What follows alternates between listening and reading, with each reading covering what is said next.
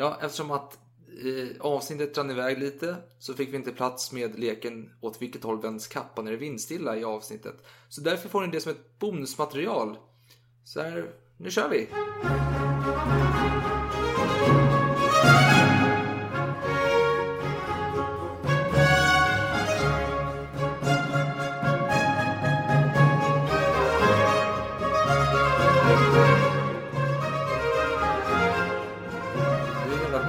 Att jag blev inblandad i denna lek känner jag spontant. Just det, du tänker på åt vilket håll Vänds kappan? Nej, när, när det är vindstilla. Bra att du kommer ihåg titeln på Ja, det är lite svårt faktiskt. Just ordvalen där. Ja, ja. Och det är så här, det är min tur och jag har ett, en, det är tre namn som jag har att välja mellan. Ja, det är lite komplicerat nu, men eh, just nu är det tre lappar som du har framför dig. Ja, Ja, jag ska ta två. och det blir en duell såklart. Ja. Den som är kvar av den, de lapparna, den ska möta två andra lappar. Ja, Ja, just där vi tillsammans ska ta fram eh, en vinnare. precis. När, när de... Ja. Ja. Och sen kommer den vinnaren gå ner i finalen som är nästa avsnitt. Då. Ja. Det, det, det, är, det är komplicerat detta, men vi hoppas Det ni blev hänger med. så. Okej, Marie Antoinette får möta kalabaliken i Bender. Oj, oj, oj. Det här är en... Oj, oj. Knepigt. Det här är knepigt. Ja, alltså rent spontant. Om jag ska gå på magkänsla direkt. Fan alltså. Det är vinet. Ja. Jag tror inte vinet var till för att vara gott, utan det, det, tydligen är det ett potensmedel också. Eh, Det var lite... Det var en detalj som jag läste om det här vinet. Det var någonting om att... Eh, six women, five kids, eh, one night eller någonting. Det var typ förklaringen vad det här vinet var. Okej. Det var inte därför jag köpte det, utan det var ju för att det var kungligt då. Det var i ett palats. Det var, det var den här shoppen då till, till det här palatset i Ue. Tack Nu, för nu skrattar du. Nej, alltså det här är... Ja, nej. Ja, Nej, okej. skitsamma. Nu går vi vidare. Vi går vidare. Marie Antoinette mot kalabaliken i Bender. Ja, det är spännande, spännande, spännande. Riktigt spännande. Men magkänslan säger ändå Marie Antoinette. Jag tänker ändå det hon symboliserar. Alltså Karl XII var ju festlig på så sätt att han, han levde rövare och hade lite skoj nere i Bender. Men det var ju mycket som gick förlorat som jag upp, hade önskat fanns kvar för omvärlden. Alltså han, som jag nämnde för länge sedan, att han skickade ut folk för att studera Asien och skriva böcker om saker. Mycket sådana där saker gick åt skogen. Å andra sidan fick vi ordet kalabalik i vår ordlista efter detta. Nej men Marie Antoinette, alltså Kipflern är fantastiskt god. Alltså. Ja. Marie Antoinette får gå vidare till final, känner jag spontant. Ja, men det är ditt val. Ja. Så vi kör på det. Ja, och då är vilka tre som vi ska debattera nu då? Det är... ska vi se. Eh, Det är... Kristoffer Columbus. Och nu, nu ska du bara dra ett namn av de här två, Nej, eller? nej, båda ska med. Vi ska debattera. En ska... Jaha, ja, ja, ja. Okej. Ja. Okej, då ska vi se vilka namn som står kvar här. De två andra namnen då. Eh, Vi har Ludvig den 14, Solkungen. ja. Och Alltså, jag tycker... Axel von Fersen den yngre. Jag tänker så här, det här är ju inte... Vi behöver inte ens diskutera detta. Jag Nej, det är tycker, ju det är ju såklart som jag tidigare nämnt. Alltså det är inget snack. nej du, det är Axel von Fersen som går vidare. Du, att, att du, att du lät chans. Solkungen gå före Ja, Gustav tredje. Ja. Det räcker. Där Nej, stannar tåget. nej, nej. Det, det är slutstationen. Jag kan över min döda kropp gå med på att eh, Axel förlorar. Ja, Det finns inte en chans att Solkungen ska vika sig för den här Men, åh. unge horbocken. ja, må hända greve, men fortfarande okunglig person. Nej. Ja, men samtidigt, okej, okej. Mm. Tack. Du la in för öppet mål här. Å andra sidan har du en kung som föddes i sitt ämbete. Eh, Älskvärd på många sätt. Ja. Primerade kultur och andra saker. Väldigt trevlig på många sätt.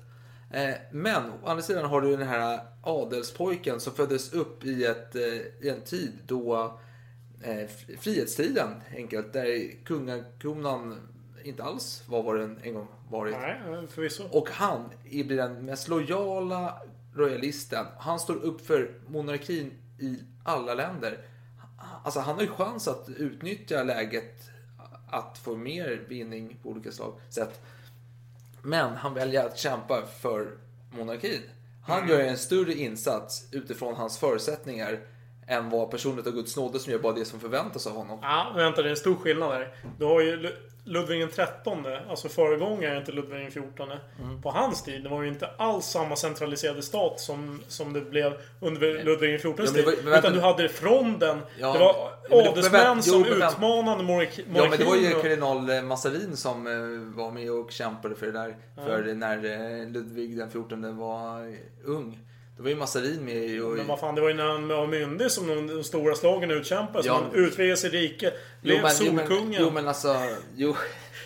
Just, alltså, det jävla tönt alltså. Men vänta, alltså Gustav bara, oh, det är sol. Går runt där liksom. Men Fan, vänta, färsen var vänta ju... nu, du hånar Gustav IIIs eh, idol. Ja, nej men alltså, one, ja. Vänta, nej. kungar hade inte varit kungar om det inte varit för Ludvig XIV. Han, Jag ju, uppskattar det. Alltså, ja, han är ju arketypen för en kung. Ja, men det finns Fersen- inget ja, men, större... men, Du missar poängen. För Ja. Fersen står ut, alltså han gör det som inte förväntas utav honom. Mm. Eller ja, om man ska vara ärlig så förväntas av adelsmän att de ska stå upp för folket Jo, och riket. Jo, och jag håller men med. Han är ovanligt... eh, ovanligt. Kan, Ja. kantig, kan man säga. På ett positivt sätt och i, i den Och. Ludvig Ja. XIV, han gör det som förväntas av en kung av Guds nåde. Men vänta nu, han är ju ändå stilbildande. Han skapar de här rutinerna som ingen någonsin har haft För tidigare. att han har kontrollbehov.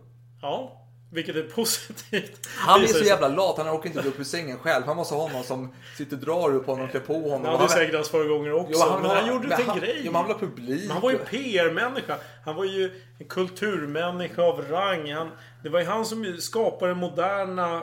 Ja, moderna men Någon form av eh, glorifierad monarki. jag tror så här. Nej, jag, ja. jag tror att det blir väldigt svårt att komma överens. Jag tror vi måste lotta vem som vinner. Vad säger du om det? jag går inte med på det. Jag går inte heller med på att Fersen... Nej, Fersen är inte en Nej, men det chans. Aldrig i livet. Men, vänta, om, om vi säger så här, arbetsinsats. Ja. Vem kämpade för den franska monarkin när alla andra franska adelsmän svek? Vänta nu. Vem var det som erövrade stora delar av Europa för egen hand?